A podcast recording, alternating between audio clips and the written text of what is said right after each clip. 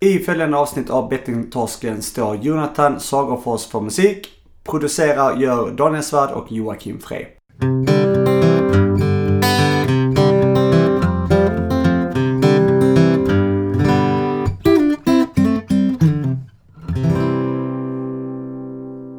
Ja, då hälsar vi alla miljarder lyssnare välkomna till eh, Bettingtorsken och eh, även hälsar vi dig välkommen Jocke. Välkommen! Tack så mycket. Yes. Eh, förra avsnittet var ju första internationella gästen. Det här är ju första kidnappningen. Det, det är kidnappningen. Ja, Fan vad kul det var. ja. Mm. kommer man inte undan. Nej, det kan man säga. Ehm, Nej men vi har ju eh, jagat henne sen innan starten. Ja, och det har inte varit eh, lätt, men eh, skam den som ger sig.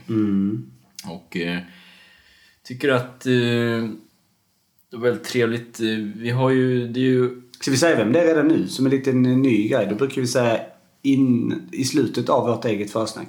ja. Ja. Men jag säger förnamnet då, så drar du efternamnet. Eh, Okej. Omid. Resvani. Ja, där satt den. Det är... Och vad representerar han? Ja, eh, han representerar...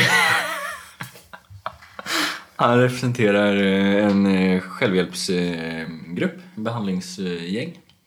Ehm, som heter... Så han blev. Förlåt, eh, förlåt Hamid. Det är, ju- det är inget personligt. Det är, det är ganska... Klockan är sent slagen. Ja men det är ju så svårt när vi typ aldrig någonsin pratar om det på grund av att han inte har varit med. Mhm. Precis. Mm. Ja, det är ju såklart spel, spelberoendegruppen Ja. Som eh, Omid Resvani representerar som han startade upp. Ja, ja precis. Ja, verkligen. Ehm, en eh, entreprenör inom, eh, inom ja, säger man, spelberoende businessen. Det är ju en förening precis som Spelberoendes riksförbund. Ja. Så jobbar de på ja, andra platser i landet. Där, eh, Framförallt i Norrland. Mm. Men har kontor hela vägen upp från ja, längst upp i Umeå till, eh, ner till Jönköping va? Till och med Skellefteå, eh, tror jag. Nord, eh, nordligaste. Ja. Men eh, det var en jävligt härlig kidnappning. Vi tog Mm. han eh, när vi var på träffen uppe i Stockholm. Ja, precis. Nätverksträffen. Som, ni, som vi spelade in live. Om Ja. ni inte har lyssnat. Ja, precis. Det fick man höra för ett par veckor sedan. Och ehm, där satt vi i ett eh, trevligt rum. Vi kan ju säga tack till... Tack till... Eh, det går inte bra det här. Alltså, Victor Månsson. För att eh, vi fick eh, låna ett fräscht rum. Ja, verkligen. Och, men vi kan ju prata lite. Vi, hur, hur känns det? Hur, kändes, hur känns det nu efteråt? Det, det var ju första gången du och jag tillsammans eh, föreläste. Mm. Eh, och vi var där i två dagar. Mm. Träffade väldigt mycket människor. Mycket mingel. Va, vad är din spontana upplevelse? Eh, spontana upplevelsen är... Mm, ja, alltså positiv. Den spontana är så här, vad, vad härligt det är att se att det är så mycket folk som eh, jobbar med det här. Och det är ju inte alla såklart, men ändå en, en liten, liten del av de som jobbar med frågan var där, men det var ändå rätt så många. Och eh, många var eh, väldigt härliga människor. Som man, och då kände jag en, eh, en positiv eh, liksom, vibe i hela min kropp. Att det här är, det är, det är bra folk som jobbar med det här. Liksom. Eh, Att hjälpa spelberoende. Och ja, så det kändes bra. Sen så fick vi ju positiva, positiv feedback på våran föreläsning. Vilket var kul. Jag tyckte väl att Ja men det blev lite nästan så här mindervärdeskomplex tyckte jag. Eller att man, de andra som föreläste och pratade de är liksom, har 40 000 miljarder högskolepoäng och är liksom forskare och professorer och allt vad de nu är. Och vi är två helt vanliga speltorskar som har en, podd liksom. Så att det var lite så här, så, så kände jag. Men eh, sen så efteråt så, så ja, det kändes som ett, eh, ett gött gäng. Mm. Och själv då? Eh, jo, men alltså om vi börjar med de som för, Omid Resvani var ju och föreläste där bland annat. Han berättade, han och hans kollega berättade om hur eh, spelberoendegruppen arbetar i landet eh, och på vilket sätt. Eh, och det var ju väldigt givande. Sen var det fler föreläsare där eh, som pratade också såklart som berättade deras verksamhets... Eh, Alltså hur de jobbar i sin verksamhet och så. Ehm, jag tycker det var väldigt bra uppstyrt. Det var, mm, kunde varit lite mer mingel bara. Eh, Det hade jag gillat mer. Ehm, nu är det ju nätverksträff så är det ju meningen också att man ska lära sig allt som är nytt eller allt som, som är på väg och kommer. Liksom. Antar jag, jag vet inte, jag har aldrig varit där innan så jag, så jag antar det. Men träffade mycket eh, intressanta människor. Fick eh, nya tankar och eh, ja, men lite som idéer och så här, inspiration framförallt. Från eh, en del debatter som var kring eh, både minglet men också i, i själva forumet där, där, vi, där det diskuterades öppet. Ehm, om hur man kan förbättra och så vidare. Det var en sak som jag tyckte var ganska intressant. Det var ett ganska stort snack om, ehm, om barnperspektivet. Eh, alltså hur man jobbar i socialtjänsten och, och det här med att ehm, hur då barnhandläggare hanterar frågan för då anhörigperspektivet gällande personer som har spelberoende. Hur de gör, hur många anmälningar. Det är väldigt oklart på det där. Liksom, vem är det som bär ansvaret och så här. Och ehm, då pratade jag också med några där, jag kommer inte ihåg vem det var men då sa jag där att det är en ganska intressant fråga. För att jag menar, eh, om du då, om socialtjänsten misstänker eller får anmälningar om alkoholism eller droger i, i hemmet. Så, ehm, så ingriper de ju. De kollar läget, de ser hur det ser ut och då kan de till och med frånta liksom rättigheterna fr- från föräldrarna att, att barnen är i en fel miljö eller en dålig miljö. Och då tänker jag liksom, hur är det med spelberoende? Om det är liksom ett väldigt gravt spelberoende, det är väldigt destruktivt. Det är suicidtankar och så vidare på, på personer som har spelproblem som, som söker in. Hur hanterar de då situationen kring barnen liksom? För att vissa fall kan ju också medberoende anhöriga vara, vara väldigt medberoende. Eh, precis som alkoholism så kan det liksom skyddas. Och det är ju inte bra för barnet heller. Så är frågan hur hanterar de detta? Ska de hantera det? För det är ju likställt. Och enligt socialtjänstlagen så, så följs det på samma sätt. Alltså det är ju likställt med alkoholism och, och själv med droger och så här. Och då har de vissa vägar man måste gå. Ehm, eh, så det, det var en intressant tanke. Vet, så att jag, jag tycker vi får forska vidare kring det där och kolla med... Um, för jag bara, bara, bara lägga ett scenario på det här. Tänk, tänk det här att um, en spelare som håller på och, och kan inte sluta spela. Får återfall efter återfall efter återfall. Det är lätt att medberoende, men okej, men jag, jag ger en ny chans, jag ger en ny chans, jag ger en ny chans. Men familjen, det kan bli väldigt hotfull eller vad det kan vara. Men om det då sätts på sin spets att om socialtjänst, alltså social, socialtjänsten säger till att ni måste du, alltså, sluta spela, vi kommer ta barnen ifrån dig. Då tror jag det är en helt annan... Eh, jag tror det blir en helt annan tyngd att sluta spela. Det, det är min teori. Liksom. Men det är bara en intressant fråga för de diskuterade den en hel del. Ehm, så så det, det tyckte jag var... Jag tror vi måste forska vidare kring det här och intervjua relevant gäster. Någon som jobbar för Socialstyrelsen kanske. Eller något. Mm, mm. Absolut. Men annars var det väldigt intressant. Um, det var, det var kul också att föreläsa tillsammans. Det var ett samspel. Ja, det funkade bra. Eh, Det var ju ganska... Vi, Ja. ville, vi ville ju att det skulle vara mycket frågor också. Så vi hade ju lagt upp hela föreläsningen innan att vi ville ha halva tiden till att det skulle bli en liten debatt och Ja, precis. Var ju till bra oss som frågor spelare. också. Det var ju liksom vettiga frågor och det var frågor som fick en att tänka efter och, och så där. Det kändes som att de som ställde frågor ville ställa dem och inte, mm, inte bara ställa dem för att ställa en fråga utan det Mm. kändes som de var eftertänksamma. Jag tjatade något extremt efter uh, ställ lite privata frågor. Ja, du hotade dem lite nästan. Dålig stämning i rummet. Nej men det är ju intressant där att de kan ju... ställa, alltså de, det är ju spelberoende behandlare liksom. Det kan vara intressant att ställa frågor till, till gamla spelare. Sen hade de också introducerat den här nya E-utbildningen. Mm. Det var, tyckte jag var kul när vi fick, ja men just det här att hur mycket har en spelare varit med och påverkat en sån här utbildning och så här, För jag tror det kan vara en bra syn också. Eh, Ja, det var bra. Bra föreläsning.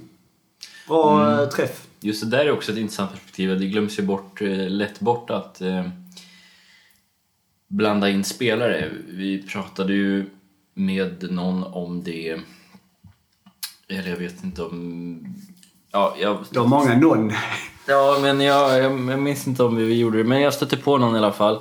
Och så sa jag att jag tror det är jätteviktigt att eh, det finns den här blandningen, att det finns de som är, professorer och forskare och psykologer och allting. Det måste också finnas de som eh, själva har upplevt det och blandningen just är väldigt viktig. Ehm, så det är någonting som alla borde ta med sig tycker jag, tänka på. Sen fick vi en guidad tur på stödlinjen. Mm, Det var också- Det var ju en, eh, ett chockerande litet rum de hade. Ja, Chockerande Ja. var lite att ta i kanske. Det var jag hade ju- förväntat mig någonting större. ja, ja, men jag tyckte det såg så fräscht ut och det var öppet och fint. Och Jag tyckte det var väldigt, det är tacksamt att vi fick lov att, att, att prata med de som jobbar där och väldigt eh, kul att vi fick en liten tur där. Och, Så stort tack till, eh, till det. Mm.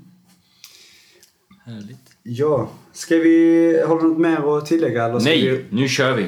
ja, Omid Resvani i bettingtorsken.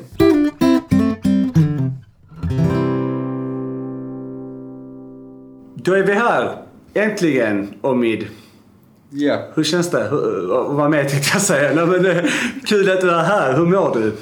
Jo tack, jag mår bra. Nu, har ni kidnappat mig här. Ja. Eh, Just det här på plats eh, får du berätta var det är. Men eh, det känns bra. Det känns bra att det, det äntligen blir av. Ja. Eh, Vi var i kontakt med varandra redan innan ni startade. Så det känns jätteskönt att få, jättehärligt att få träffa er. Ja. Det blev, sponta- det blev spontant. Verkligen. Kidnappning på riktigt. Vi är ju en spontan eh, podd. Ja, det brukar vi eh, säga. Det är inga konstigheter. Eh, Omid, vem är du? För de som inte vet. Eh, Omid heter jag, Resvan i efternamn. Eh, idag är jag 38 år, tror jag. Ung. Eh, jag eh, är född och uppväxt i Iran, eh, fram, i en storstad, fram tills jag var 16 år. Flyttade hit till, till Sverige och upp i Umeå. Och jag har bott där sedan dess. I snart 23 år. Och eh, jag eh, är extremt, ja det är väldigt fel i det här sammanhanget eftersom ni sitter här, men jag är väldigt idrottsintresserad. Eh, Främst fotboll. Eh, Men idrottsnörd. Jag har hållit på med det lite grann på lägre nivåer till olika bollsporter. Jag har jobbat inom vård och omsorg sen efter gymnasiet. Och eh, jag har i det här sammanhanget då eh, lyckats ta i trä, får jag Det är trä också. Det är bra. Ja, det är bra. Eh, hållit mig, eh, lyckats och kämpat och lyckats hålla mig spelfri eh, sen snar, strax 11 år tillbaka. Mm. Jag stannar där. Det är bra. Du fick med allting. Intresse och hobby. Vilket är fotbollen? Vilket är laget? Är det Malmö FF eller? Laget, laget finns inte i Sverige. Nähä. Eh, Det fanns när, vi, när jag kom hit till Sverige, då, då, var, då hade Umeå varit, eh, kommit upp sig för enda, enda gången, det första gången och eh, uppe i Allsvenskan hette det väl. Ja.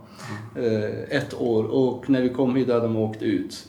Så jag försökte hålla på, på Umeå, Umeå FC. Eh, Men eh, annars så har jag sedan jag var liten, jag, vet inte varför, har hållit på Juventus internationellt.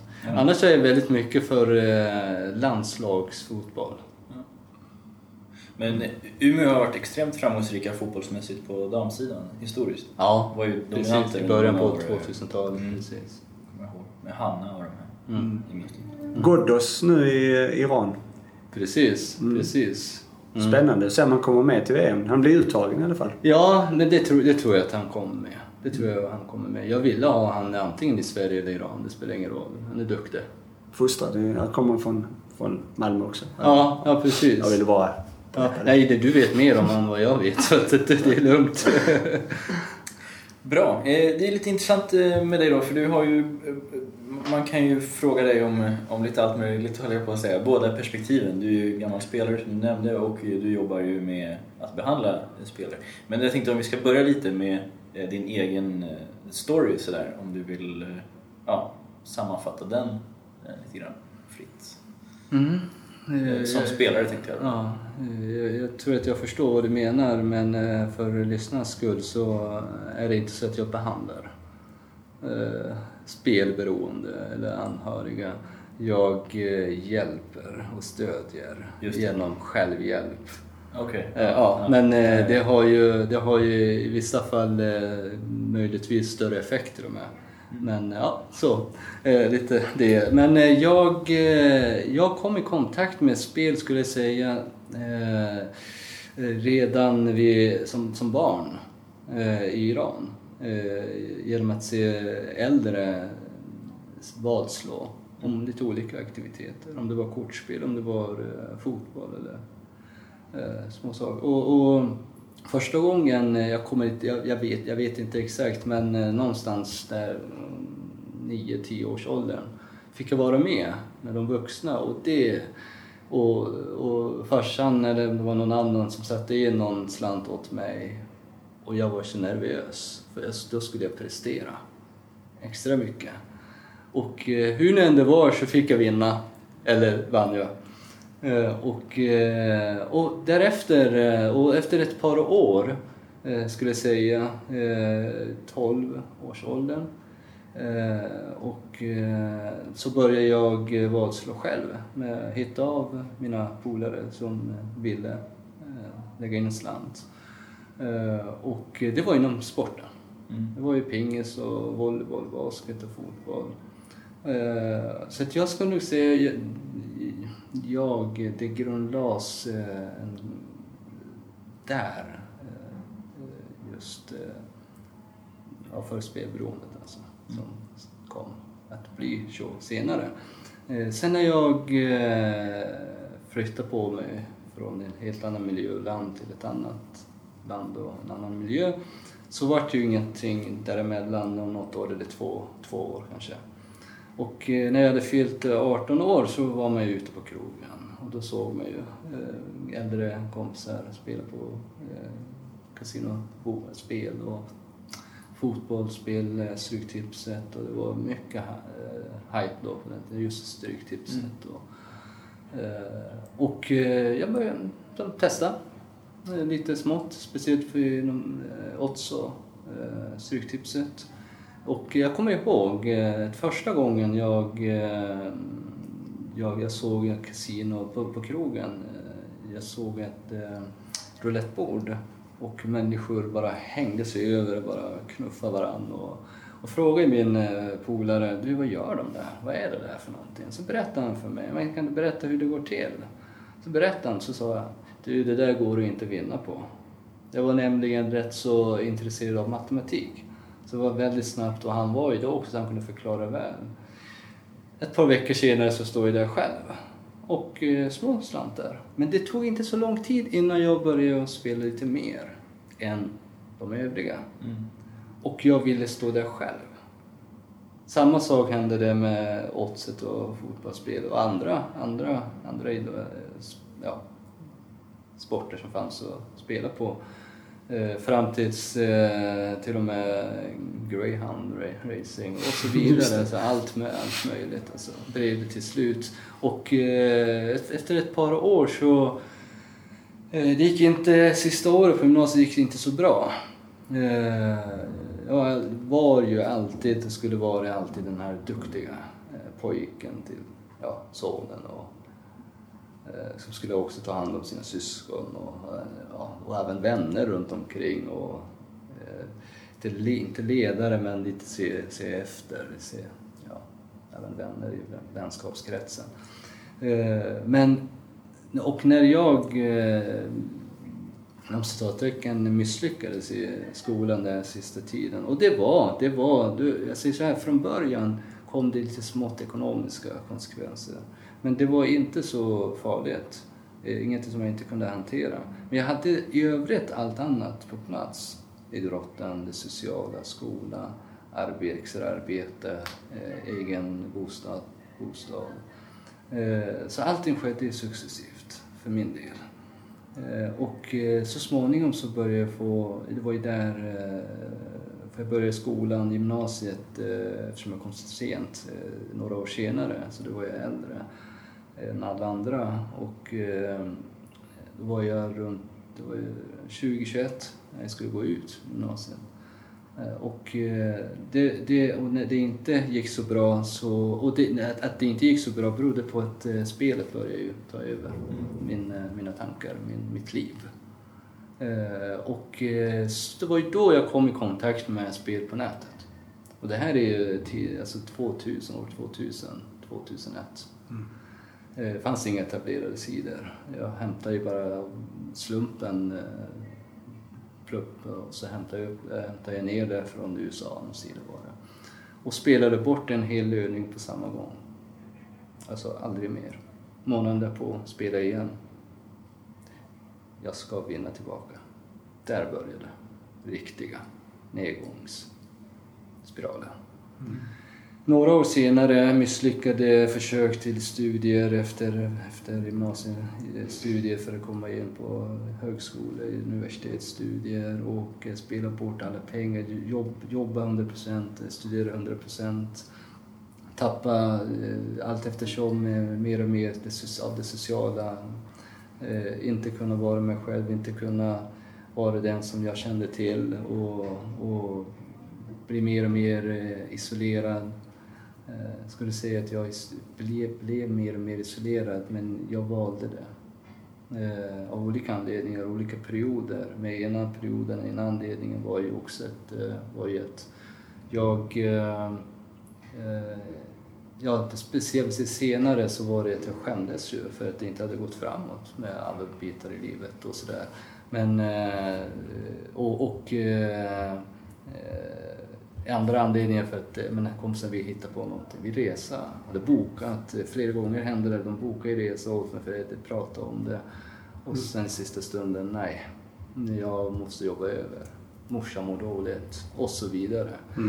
Eh, det här var bara ett, ett par exempel, det finns ju tusentals sådana historier. Och sista årtal, 2004, så kände jag att nej, nu räcker det. Nu orkar Alltså det du håller på sakta gå, gå mot döden. Eh, och eh, jag, eh, jag ville ju sluta. Jag ville sluta. Men eh, jag klarar inte av det.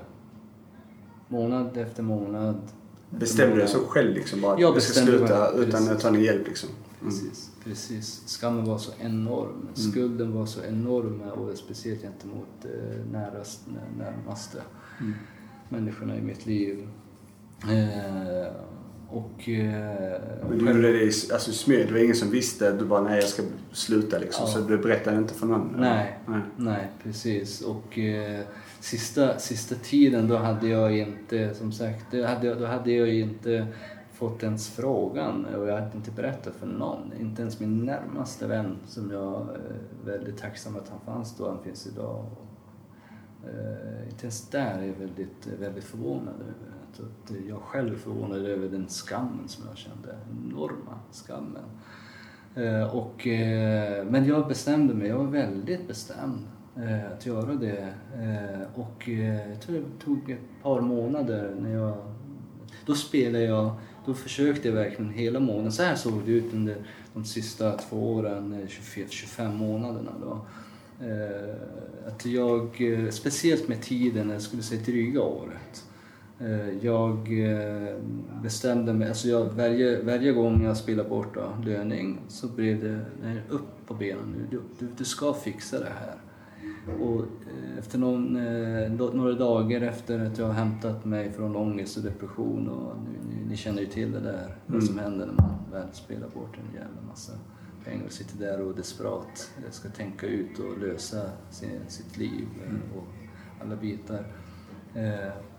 Och så eh, efter eh, tre veckor gick det bra och motivationen var väldigt hög och då hade jag börjat och då brukar jag börja och ta kontakt med någon vän eller två och sen eh, hälsa på morsan och syrrorna och börja gymma och eh, ta mig ut mera och, och eh, och det och började kännas bättre och bättre och så kom det sista dagarna innan lönen och så började jag, började jag framförallt de två sista dagarna, börja började resonera, vänta nu, eh, du kan ju eh, avvara en procent av lönen typ. Och det var det så här mycket och bara spela på eh, oddset. Eh, och för, för, för min del, eh, varför jag fylla i det, varför eh, jag säger så, för att jag, eh, jag brukar ju säga väldigt grovt och lite slarvigt att jag spelade bort mina pengar på kasinospel. Jag spelade bort min tid på oddset.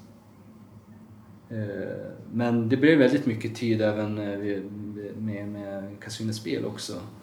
Eh, För jag skulle ju kasinospel.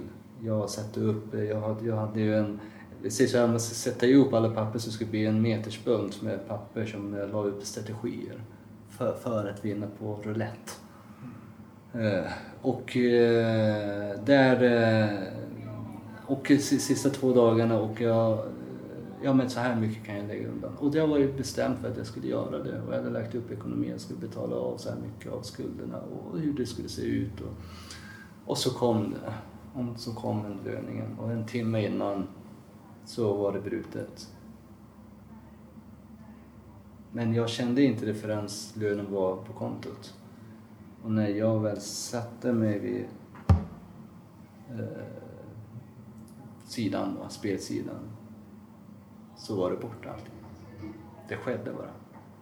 Och jag skulle nog säga, det här hände ju under de två sista åren. Men sista året skulle jag säga att det skedde, jag ville spela bort pengarna. Jag, jag, jag fa- fann ingen lösning på det hela. Jag hade kämpat så länge eh, så att jag hade gett upp i stort sett. Och då började jag sp- självmordstankar eh, komma och bli starkare och starkare med tiden. När var det att du sen... Ja, egentligen var det, jag skulle säga eh, någonstans där 2004, men 2005 framförallt. Mm. 2005. Eh, och eh, sommaren, eh, måste jag säga, 2005 eh, så i efterhand förstod jag det, kom jag på det, för bestämde mig tydligen, eller jag kom på det sen, att om jag inte har fixat det förrän nästa sommar, 2006, vet ni vad som hände då? Vi fotbollskillar. Jag vet. Fotbolls-VM i Tyskland. Mm, just det. Då hade min vän börjat prata, en av mina vänner börjat prata om att jag skulle följa med. Om jag inte skulle fixa det till nästa sommar så skulle det ta livet av mig. Det var eh, sommaren 2005. Året gick, våren kom 2006 och eh, jag blev mer och mer eh, ja, desperat och eh, riktigt alltså, kaotiskt i, i mitt huvud. Eh, Och inte tänkte jag på just det här mm, beslutet jag tog 2005, sommar 2005. Men mer att nu måste jag, han hade köpt resan, biljetterna. Jag ska betala han och så sköt jag upp på det.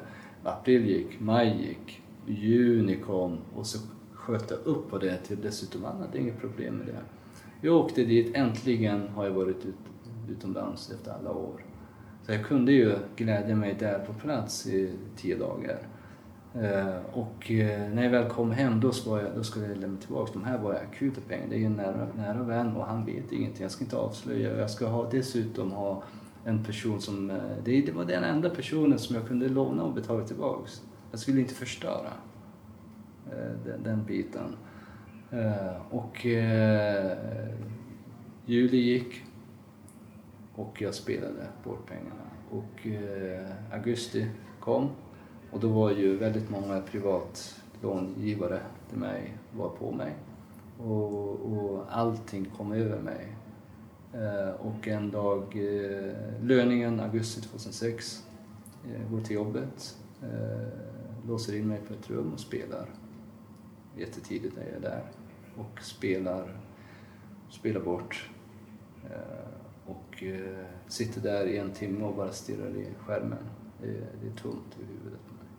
De försöker, eh, till slut bryter de sig in för att jag hade låst mig inifrån. Det var ett gäng på, jag vet inte, folkmassa på 20-25 pers. Och jag bara minns jag att jag bara gick zigzaggar förbi och gick ut några kilometer senare. Så står jag mitt i centrum i Umeå tidigt på morgonen och på väg att ta livet av mig. Kasta mig i, i vattnet. Jag hade ju planerat, jag kunde inte simma. Tidigt, inga människor.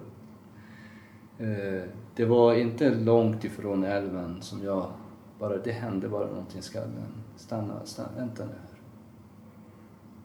Och det var som att jag, jag minns mycket väl, jag tittade bakåt bara som symboliskt. Eh, och det måste finnas något annat alternativ.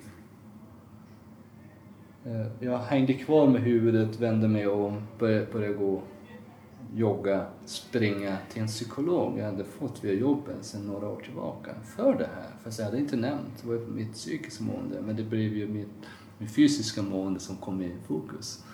Eh, och eh, 2000... Eh, eh, ja, som sagt, där. Och då kom jag upp på, från, från honom till mobila teamet och eh, där började ju min resa mot livet och spelfriheten.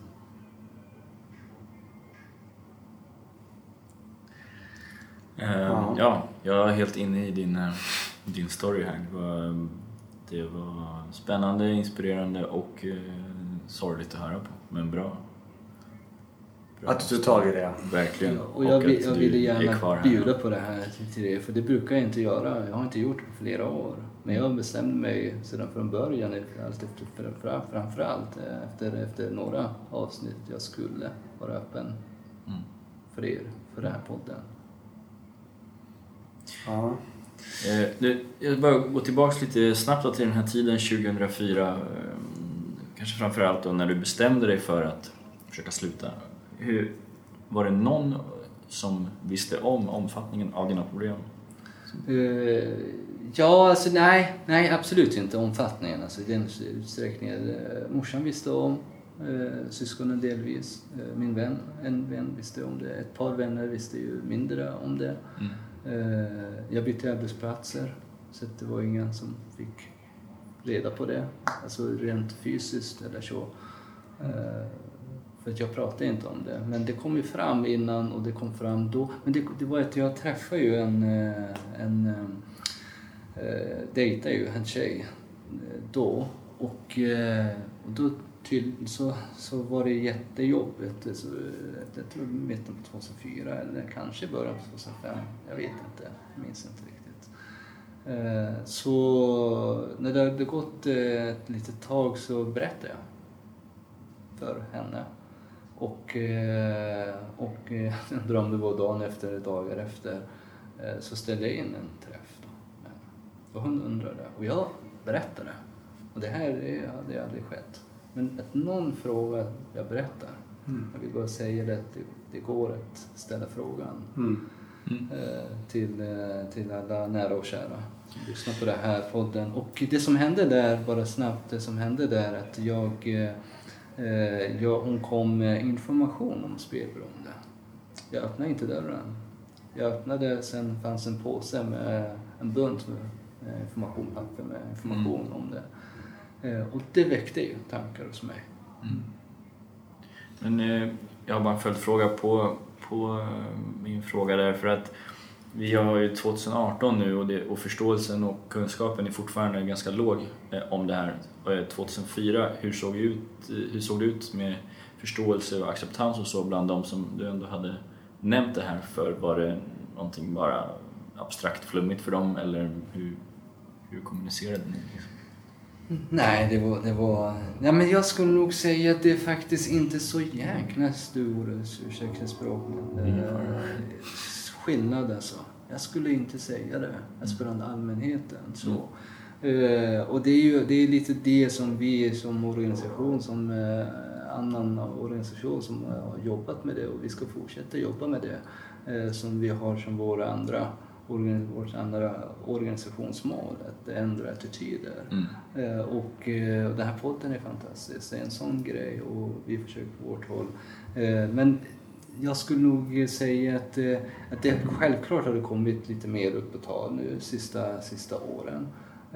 Och bara en reflektion till det så alla vet ju att spelreklam går och hur de går. Där, där finns ju mer eh, ögonöppnare. För att alla pratar om det.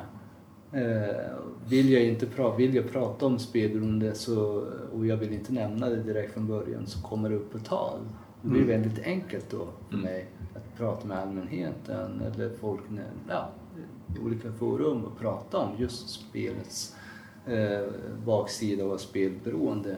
Men nej, då, då var det verkligen inte, inte i min krets. Det var, det var, alltså det var, det var, det var mycket, alltså attityden var Ja, alltså det är på, på samma sätt. Men jag skulle nog säga det var, det var, det var ju några eh, eh, lite mer ytliga, ytliga be- bekanta eller kompisar som faktiskt eh, väckte tanken hos mig ganska tidigt. Eh, ja, du är spelberoende. Och det, med det vill jag också säga att jag själv personligen, men det har ju med, med min, med mitt, eh, med min eh, spelberoende utveckling att göra. Eh, det känner ni till att man förnekar i det sista. Men att spelberoende som term för, för mig, det, det fanns inte. Det existerade inte. Jag ville inte ta i det. Och det var inte förrän jag kom på psyket, dagen efter där, jag blev inlagd över helgen. Dagen efter var det en eh, alkoholist, eh, som han sa själv, aktiv alkoholist, ifrågasatte min närvaro där. Och för att komma till, till saken så när jag hade berättat lite grann om mig själv, det var första gången jag berättade för någon, och han, han ställer sig bara upp och spärrar upp ögonen och så säger han du, det här låter som mitt och jag är en aktiv spel, eller, äh, aktiv alkoholist. Då, då, det, var, det var inte förrän då det gick upp för mig att det är, det är inte bara jag som är helt jäkla dum i huvudet. Som har förstört hela mitt liv och höll på, ja, livet gå i kras eller gått i kras och jag skulle, jag skulle ta, hade tänkt ta livet av mig. Och det var faktiskt, det var ju det som gjorde, jag pratade ju om att det tog mig ett år innan jag fick rätta hjälpen. Och under det året, cirka det året, så, så, så kunde jag inte hålla mig spelfri. Men där bestämde jag mig. Det var där, på riktigt, det hände. Det här som skulle ha hänt 2004. Eh, det spelar ingen roll vad som kommer att krävas, jag ska bli spelfri. Allting ligger där. Jag är spelberoende. Det är en sjukdom. Jag kunde relatera till alkoholism och jag kände mycket väl till eh, narkotikaberoende. Så då.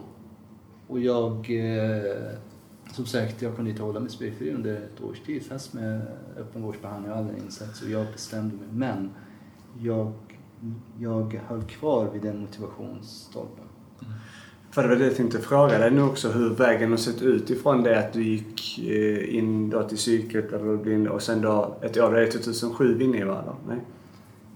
Eh, ja. Psyket 2006, Ja, eh, exakt. 2007 då, då, fick jag då började jag på eh, öppenvårds... eh, Nej, på behandlingshemmet. Okej, så hur har resan sett ut från det? Då har det funnits återfall, eller du tagit återfall Mm. eller hur eh, liksom har själva, ja, eh, lite kort liksom. Det är den bästa delen egentligen. Ja, det- Jag bjöd på den här första delen. Eh, Men det, är, det här är den bästa delen och det är, det är ju varför för ja, lyssnarna också. Men det är självklart första delen är viktig också för attitydförändringen. Eh, Men eh, ja, det, det, just det här året jag pratar om Mm. och de här två tidigare åren.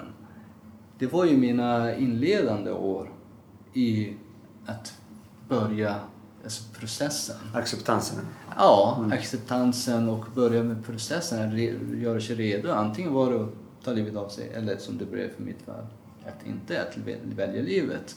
Så att, eh, och framförallt det här sista året eh, så, så skulle jag säga jämförbart med de som kommer till oss som har kanske gått med behandling och sen kommer till oss och kontinuerligt går till oss och sen tar man en återfall. Det, det, det är jämförbart. Men sen jag träffade min för, den första likasinnade på behandlingshemmet. När jag kom dit då skulle jag hem. Gick Vika tomtar som sitter här. Jag var på lunchen, jag skulle hem, jag skulle boka hemresan. Men då fick jag träffa en person som hade varit där några veckor och så här, jag bestämde mig för att vara kvar. Och det var det bästa jag gjorde. Så att sen den dagen, 28 juni, jag åkte ner till behandlingshemmet, får jag säga vad det är? Ja, kör, kör. Game over i Linköping. 28 juni. Fram tills idag har jag hållit mig helt spelfri. Däremot så kan jag säga så här väldigt kort. Eh, första dryga året, han pr- eh, pratar ju här nu om eh, experten här på Karolinska institutet, om eh, just eh, tiden eh, som kommer efter ett tag, identitets... Att man, att man tappar identiteten. Eh, Det kom för mig efter drygt ett års tid.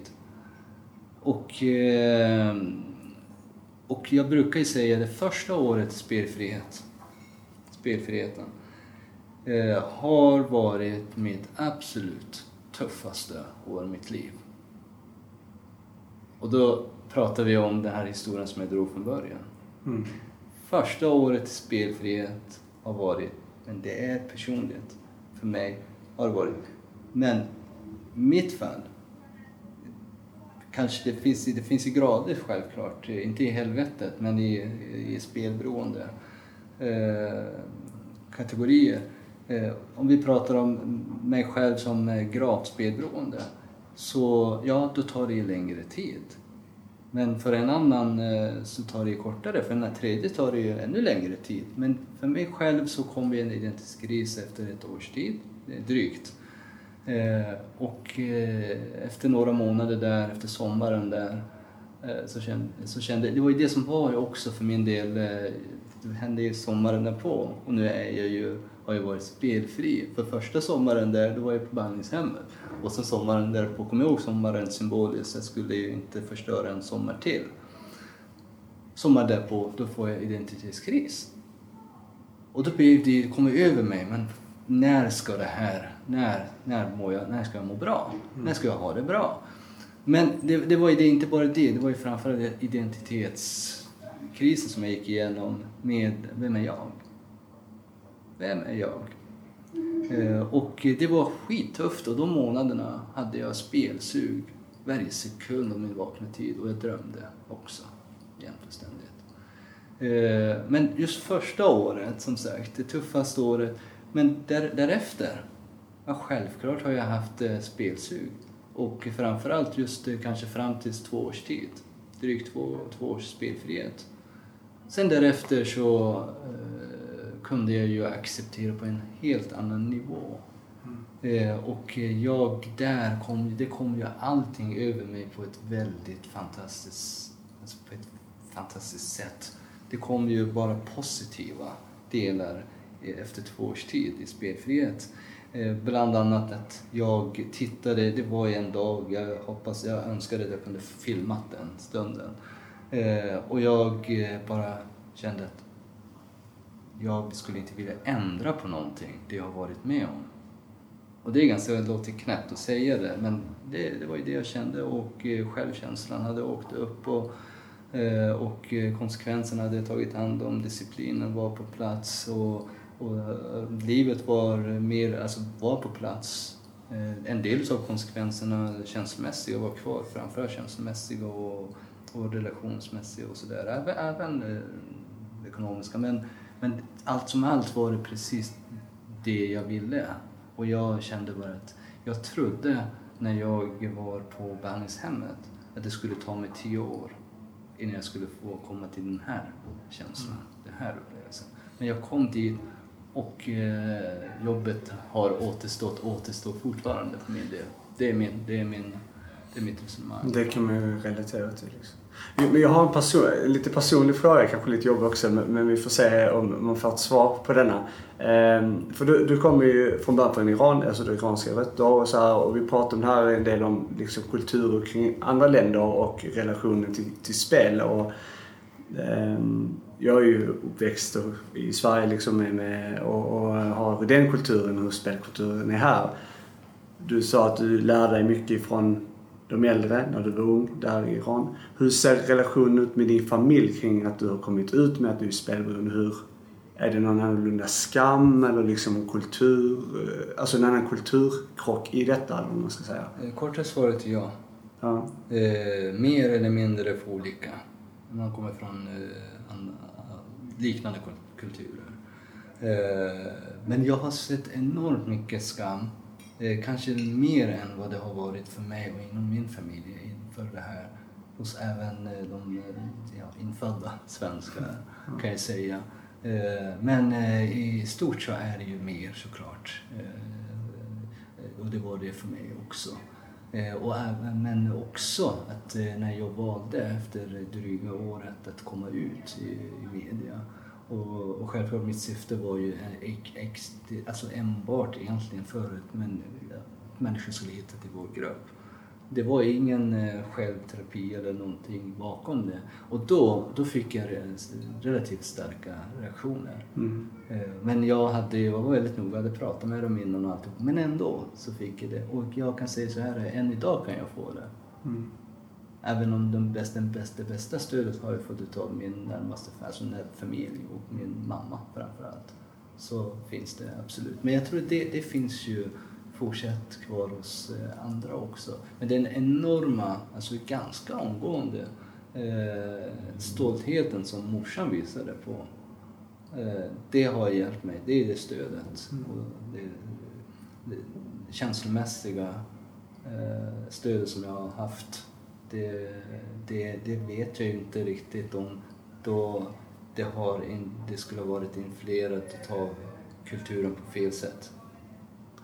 Ja, för man har ju hört det liksom till och från med andra som då har spelberoende kommer från, från då andra kulturer och kommer hit med, med eh, där de ser en annan skam i det, de blivit lämnade av familjen. Det är därför kanske många inte vågar prata om det på samma sätt. Liksom. Eh, men sen är det också många svenska familjer, eller vad man säger, infödda där, där det är en sån skam så att man vill inte ha någonting med det att göra. Men, men jag, man bara har fått den känslan i alla fall. Det är komplicerat alltså. För- Väldigt, väldigt, väldigt kort om en kommentar kring det till. Mm. Eh, Så är det så här att eh, om du har väl kommit etablerat dig i samhället så är det inte det så stora problem. För har du inte det här eh, trygga, säger vi, sociala nätverket som många som kommer hit inte har när man börjar spela och när man får spel, alltså utveckla spelberoende. Så min fråga, var ska man vända sig? V- Vem ska man berätta? Och då finns ju den här eh, bilden, alltså hade man haft eh, ett st- större nätverk så hade det kommit fram kanske lättare eller hade varit mer accepterat. Eh, I mitt fall så stämmer ju väldigt mycket in på det. Eh, Men samtidigt, jag hade ju jag hade etablerat mig. Eh, Så mitt, min, eh, mitt fall så var det mer personligt. Mm. Hur jag är, var, vi- ja, blev, var, var som person och är som person. Fortsatt. Mm. Fortsatt. Fortsatt kan jag få konsekvenser av det eh, än idag tack vare den personen. Men, for, men eh, jag, vill, jag vill inte ändra någonting på det. Det. Men jag jobbar på eh, de brister jag har. Självklart. Och medvetandet är väldigt stort. Men självklart finns, jag menar, hur är det med så rent eh, erf- vår erfarenhet? Ja, det är väldigt många som kommer ifrån andra kulturer och eh, nysvenskar och, sådär till oss. Men många utav dem, fler utav dem väljer att inte eh, närvara på ett kvällsmöte. Inte för språkmässiga skäl just av kulturella skäl, skam, skam skuldmässiga. Eh, och eh, väljer att eh, inte fortsätta heller. Att du, du har en grej som alla har ju, eh, ni kanske har mött på, på era möten som ni har varit på, personer som drar sig för, eller du kanske inte har mött det, de som jobbar med det eller de som är mer ansvariga. Eh, som jag nämnde nu tidigare, eh, att ja men jag vet inte om jag vill börja i gruppen, kan vi träffas enskilt? Mm. Och det, då pratar vi om generellt. Alltså. Mm. Men eh, de här personerna, det, det, statistiken är större, alltså högre eh, antal. Eh, med mer, mer skam. Tack vare den, ja, möjligt, troligtvis den kulturella biten. Kommer brandkåren. Du, vi, du nämnde ju tidigare här och en gång till alldeles nyss att du inte vill ändra, du skulle inte vilja ändra på någonting. Och det tycker jag är intressant och jag vill belysa det för att dels har vi pratat om det innan men det är en sån känsla som kom över mig också när jag var inne i mitt spelande och precis hade blivit spelfri. Då kände jag så här, då ville jag ändra på allt liksom. Skamfylld historia och bara det här måste bort ur mitt liv. Men så nu har det kommit mer och mer att nästan en, en stolthet då liksom att det har format en som människa och eh, att man har blivit eh, rikare liksom. Och man kan ju ja, dels eh, såklart hjälpa andra när det kommer eh, nya, eller man ska säga, som som tänker att de, eh, det är kört, det finns ingen utväg. Då kan man berätta för dem att det finns det visst. Liksom. Men, men också att, ja men rik på erfarenhet. Och det var ingen direkt fråga, jag vill bara belysa det för lyssnare att eh, man ska inte skämmas utan att eh, Nej, ta vara på det och liksom bejaka det och, och vända till något starkt. Liksom. För det är ju extremt eh, starkt. Eh, man kan tänka sig situationer där man söker jobb till exempel. Eh, Det har vi pratat om mycket också att många är rädda för att berätta på intervjuer om sin historia men när jag till exempel har gjort det, då har det bara varit positiva reaktioner. Ja men vad stark du är som har löst det här. Du, dig vill vi ha på vårt företag. Typ sådär. Ja, men det är det. Oavsett vem man är så ska man uh, fejsa sina, sina problem.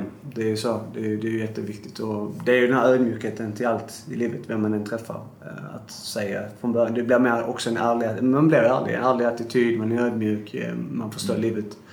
Och, och det vinner man mycket på. Då får man riktiga vänner också.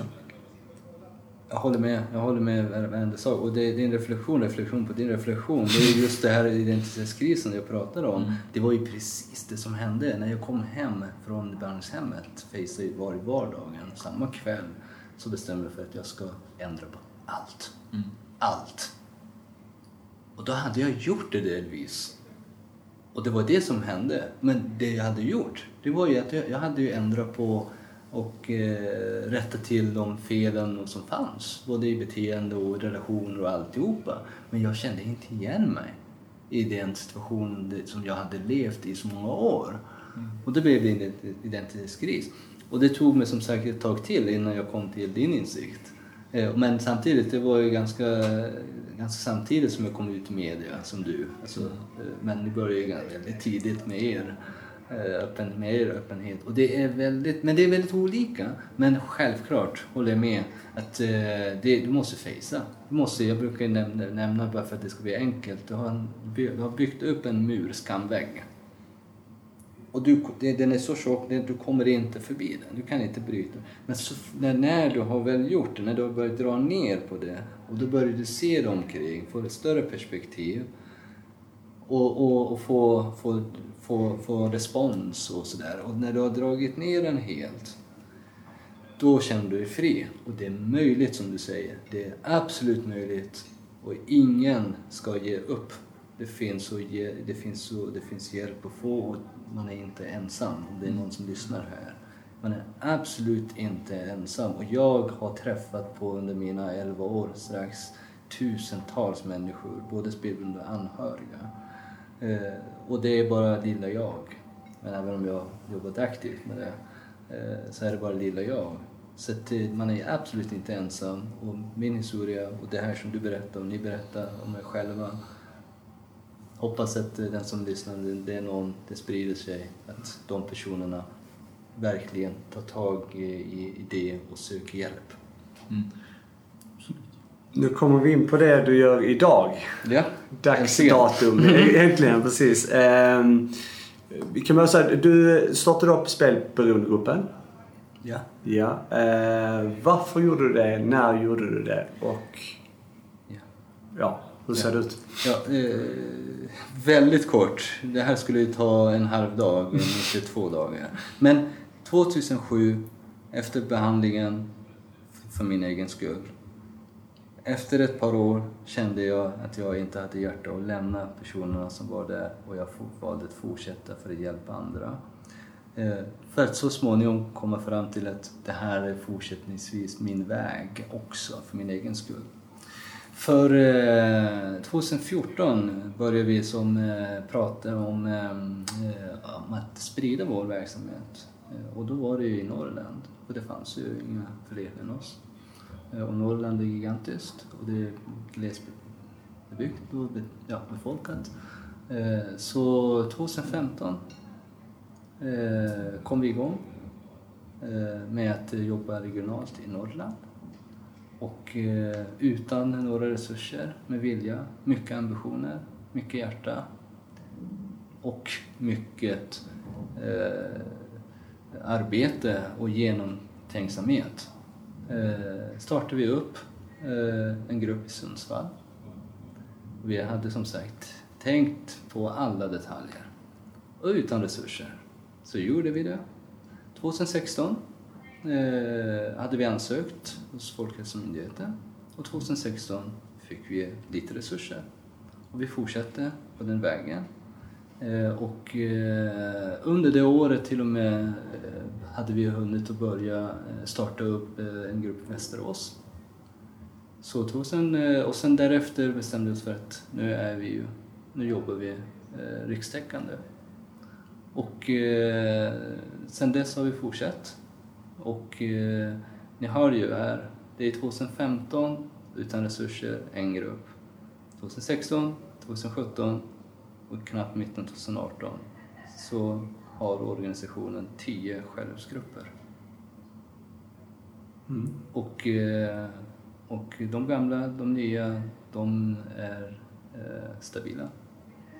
De är, de, eh, de är självständiga, förutom det senaste nu som vi håller på att börja, börjat starta upp i Norrköping, så är de ju självständiga, men med stöd av oss och alltid med stöd av kommer, eh, kommer, de att, eh, kommer vi att jobba.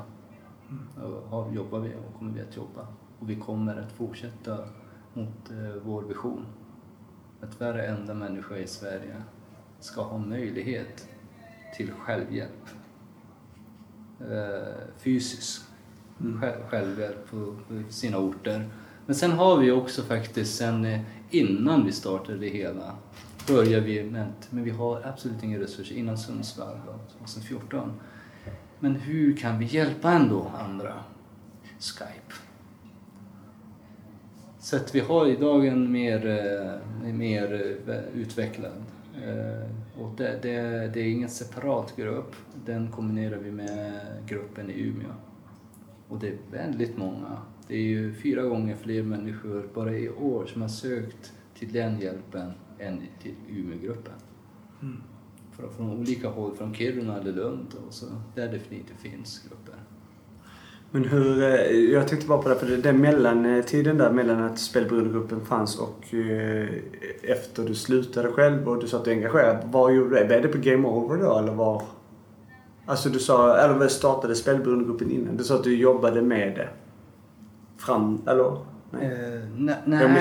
Ja, innan, alltså innan dess, jag menar, då, då, var det, då, var det, då var det en grupp och en förening i Umeå. Okej, okay, okay, Ja, precis. Okay. Så 2007 alltså, fram tills idag är det... Har du, ja, Spelberoendegruppen då? Ja, okay. alltså Umeå. All right. Umeå. Så att allting startades där, allting har blommat ur, okay. ur den föreningen. All right. Alla idéer, alla, alla personella resurser och ideella alltså personella resurser och sådär. Allting har blommat ut från Umeå eh, spelberoendeförening. Okay. Som på pappret heter där, men mm. eh, spelberoendegruppen. Och, eh, och det var ju bara tufft att eh, hålla igång spelberoendegruppen i Umeå. Jag menar, vi hade ju ingen lokal, vi hade ingen stöd någonstans. Vi, jag fick ju, det, vi hade tur att låna en lokal, källarlokal, en, två timmar i veckan.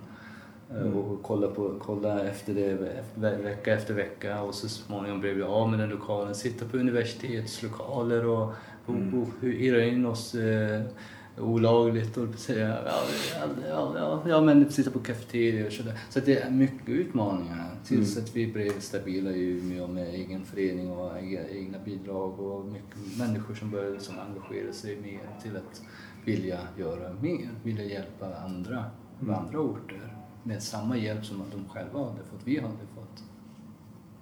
eh, som det ser ut idag för spelberoendegruppen, matchar det dina Eh, visionerna som du hade 2016 på ett ungefär, eller hur? hur Ja, det, det, det, det är faktiskt så här att åter, eh, vi, vi, vi ser för- 2015, typ för det är 2016 som vi fick resurser.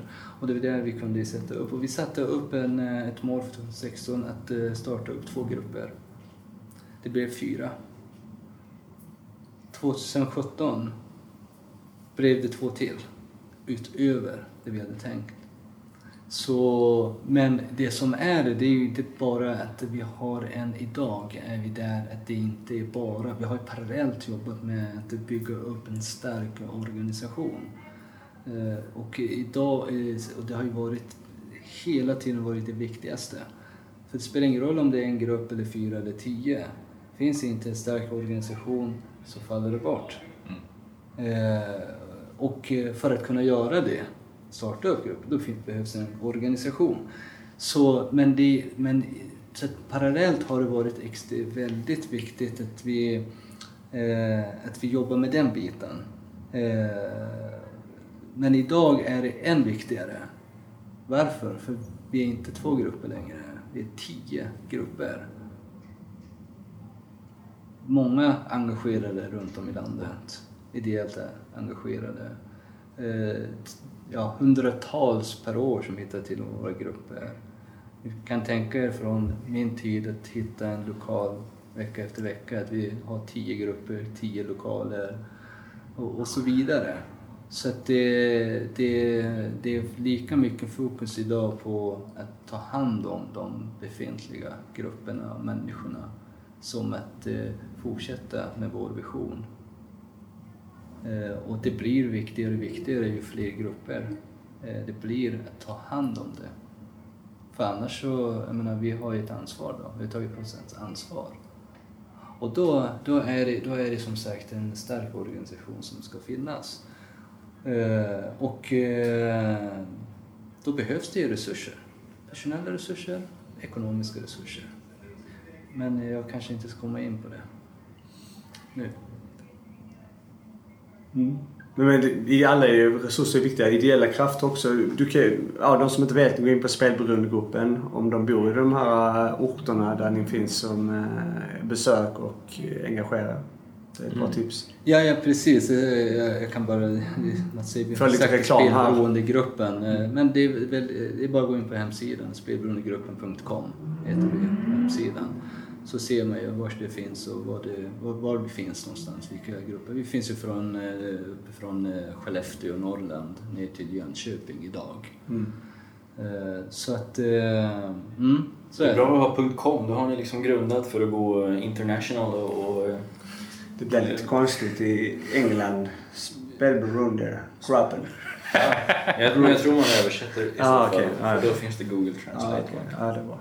Eh, Så att, eh, mm. Men jag tror vi måste runda av här. Ja. Fast det var så trevligt. Eh, fast det var så trevligt. Ja, eh, tyvärr är det så. Men eh, Omid, hur eh, ser framtiden ut här eh, på lite kortare sikt kanske? Vad har du för planer?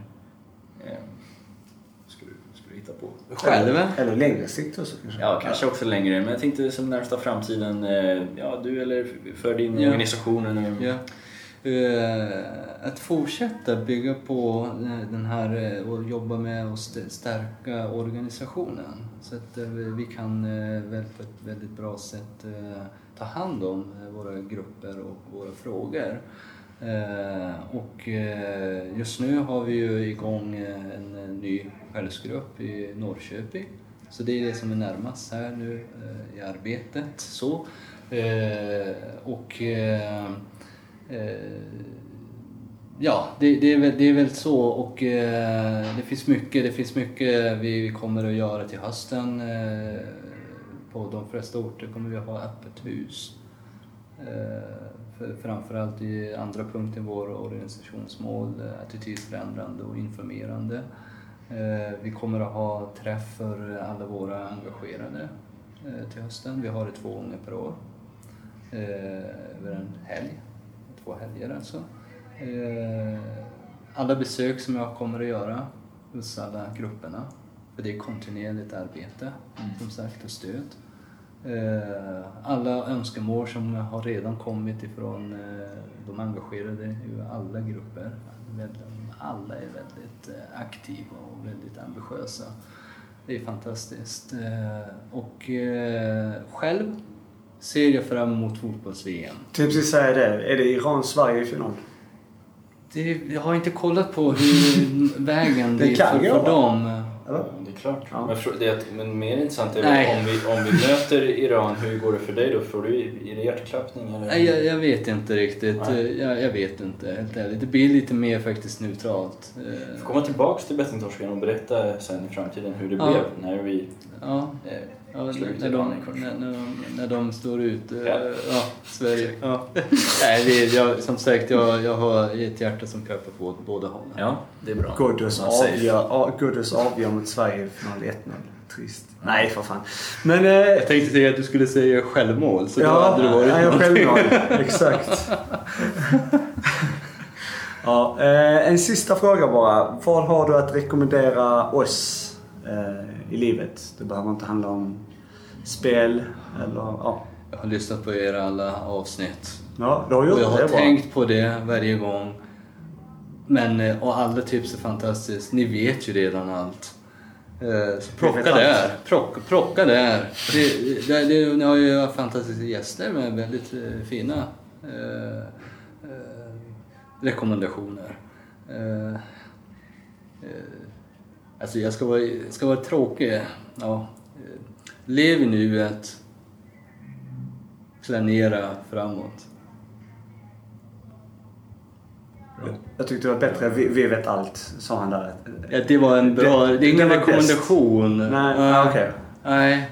Men eh, jag gillar rekommendationen. Eh, vad fan var det nu igen? Lev i nuet och planera för framtiden. Ja. Var det det? Vi. Jag slängde i min kalender för ett tag sedan. Men ja, jag får kanske ta upp det igen. Ta upp det, ja, ja, men du måste leva i nuet Jag också. kör en- Ja, Exakt, det är knepigt. det är knepigt det där. Tack så mycket för att du ville vara med hos oss. Stort Tack själva. Tack själva för att ni gör det här.